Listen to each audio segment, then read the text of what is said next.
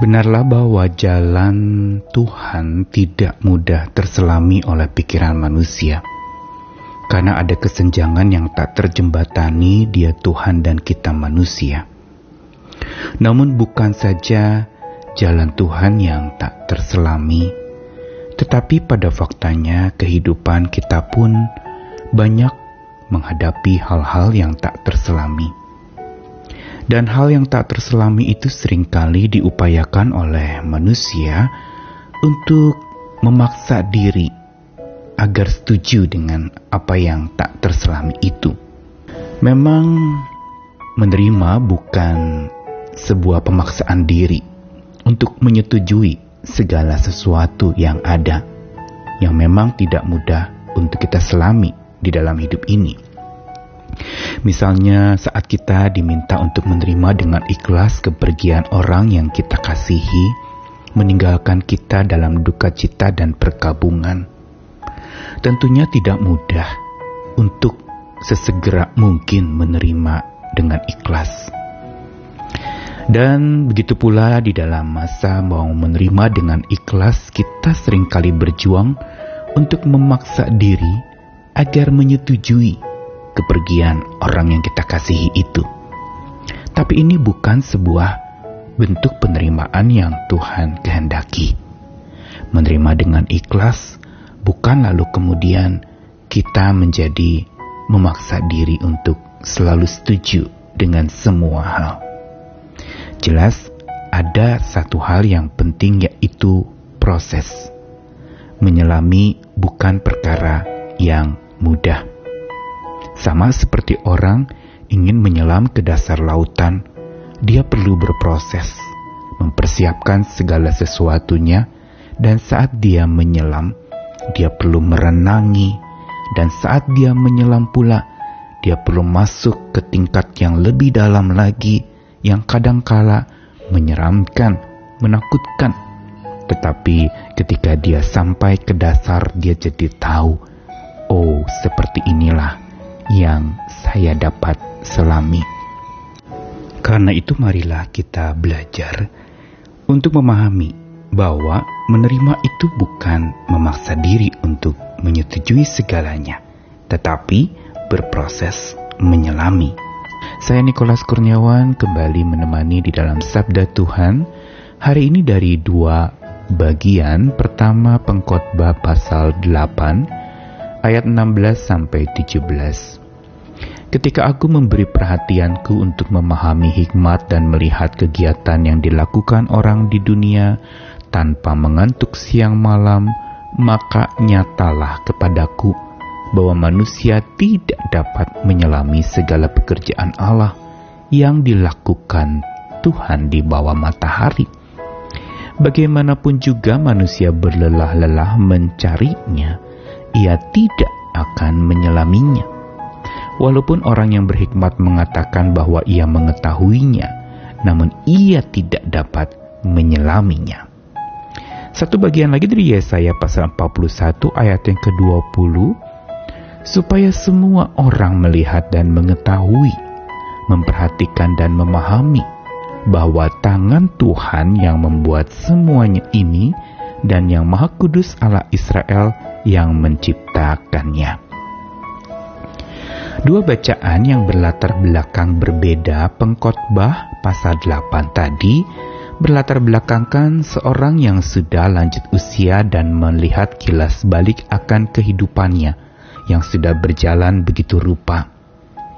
Dan kalau dibacakan tadi dalam ayat 16 sampai 17 pengkhotbah 8, maka dikatakan bahwa dan diulang berulang-ulang kali bahwa manusia tidak dapat menyelami pekerjaan Allah.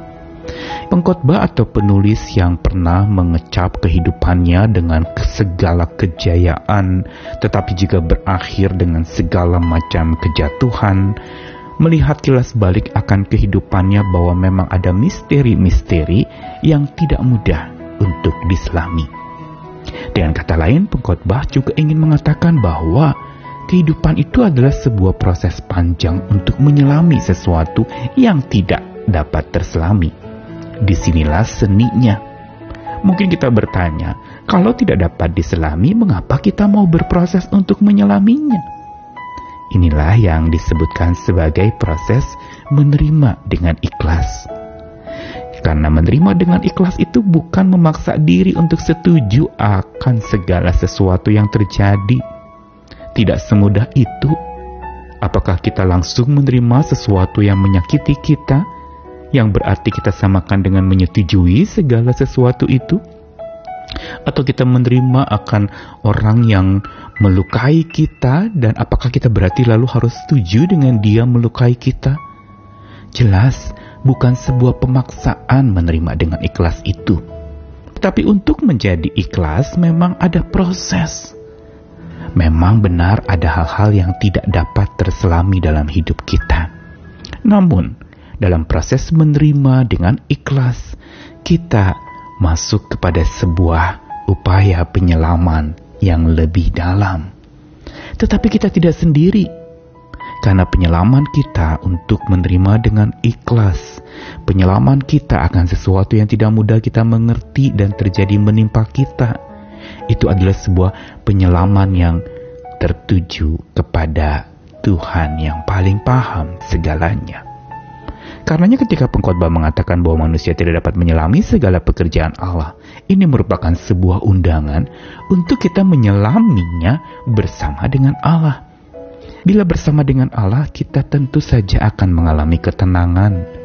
Proses penerimaan dengan ikhlas itu memang bukan instan, tetapi saat kita lakukan bersama dengan kekuatan Tuhan dan mata tertuju kepada Tuhan yang paling paham segalanya maka proses penerimaan itu akan menjadi sesuatu yang menyenangkan. Proses untuk menyelami itu juga bukan menjadi sesuatu yang menakutkan lagi, tetapi kita imani dan amini bahwa saya menyelami segala hal itu bersama dengan Tuhan yang paling memahami, yang paling menyelami. Dan bukankah di dalam Yesaya 41 yang merupakan sebuah catatan ketika orang Israel habis dari pembuangan akan kembali ke tempatnya. Dan ketika mereka akan kembali ke tempat asal mereka akan membangun kembali bangsa yang sudah hancur berantakan itu kota yang sudah habis-habisan terpuruk itu. Maka di sini ya saya mencatatkan bahwa semua yang terjadi itu adalah agar semua orang melihat dan mengetahui memperhatikan dan memahami bahwa ada tangan Tuhan yang membuat semuanya ini, termasuk pembuangan mereka, termasuk segala derita mereka itu ada di dalam genggaman tangan Tuhan yang berarti luka mereka, derita mereka ketika dibuat oleh Tuhan ujungnya bukan sebuah kebinasaan tetapi merupakan sebuah keindahan oleh tangan Tuhan yang mengukir hidup setiap orang percaya yang dia pilih menjadi umat kekasihnya. Di sini kita melihat lagi dalam Yesaya bagaimana orang-orang Israel yang terus bertanya-tanya mengapa mereka begini, mengapa mereka begitu, dan mereka tidak mudah untuk menerima dengan ikhlas akan masa-masa sulit hidup mereka.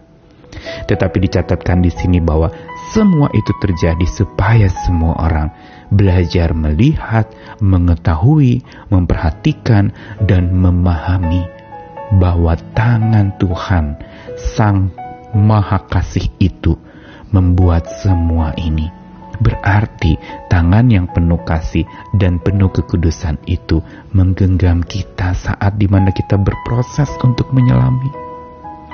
Di sinilah penghiburan dan kekuatan kita bahwa memang menerima dengan ikhlas tidak dapat kita lakukan dengan upaya kita sendiri. Karena kalau dengan upaya kita sendiri kita akan kelelahan dan kita tidak punya energi untuk melakukannya. Kita memaksa diri untuk menyetujui segalanya padahal kita belum setuju terhadap hal itu. Memang kita belum setuju akan segala yang terjadi tapi dengan mata yang tertuju kepada Tuhan yang paling paham segalanya, maka kita akan menuju kepada kemuliaan, kita akan menuju kepada kelegaan, kita akan menuju bersama dengan Tuhan yang memegang tangan kita untuk berproses menyelami apa pun yang terjadi. Selamat berproses, Tuhan selalu beserta dengan kita. Amin.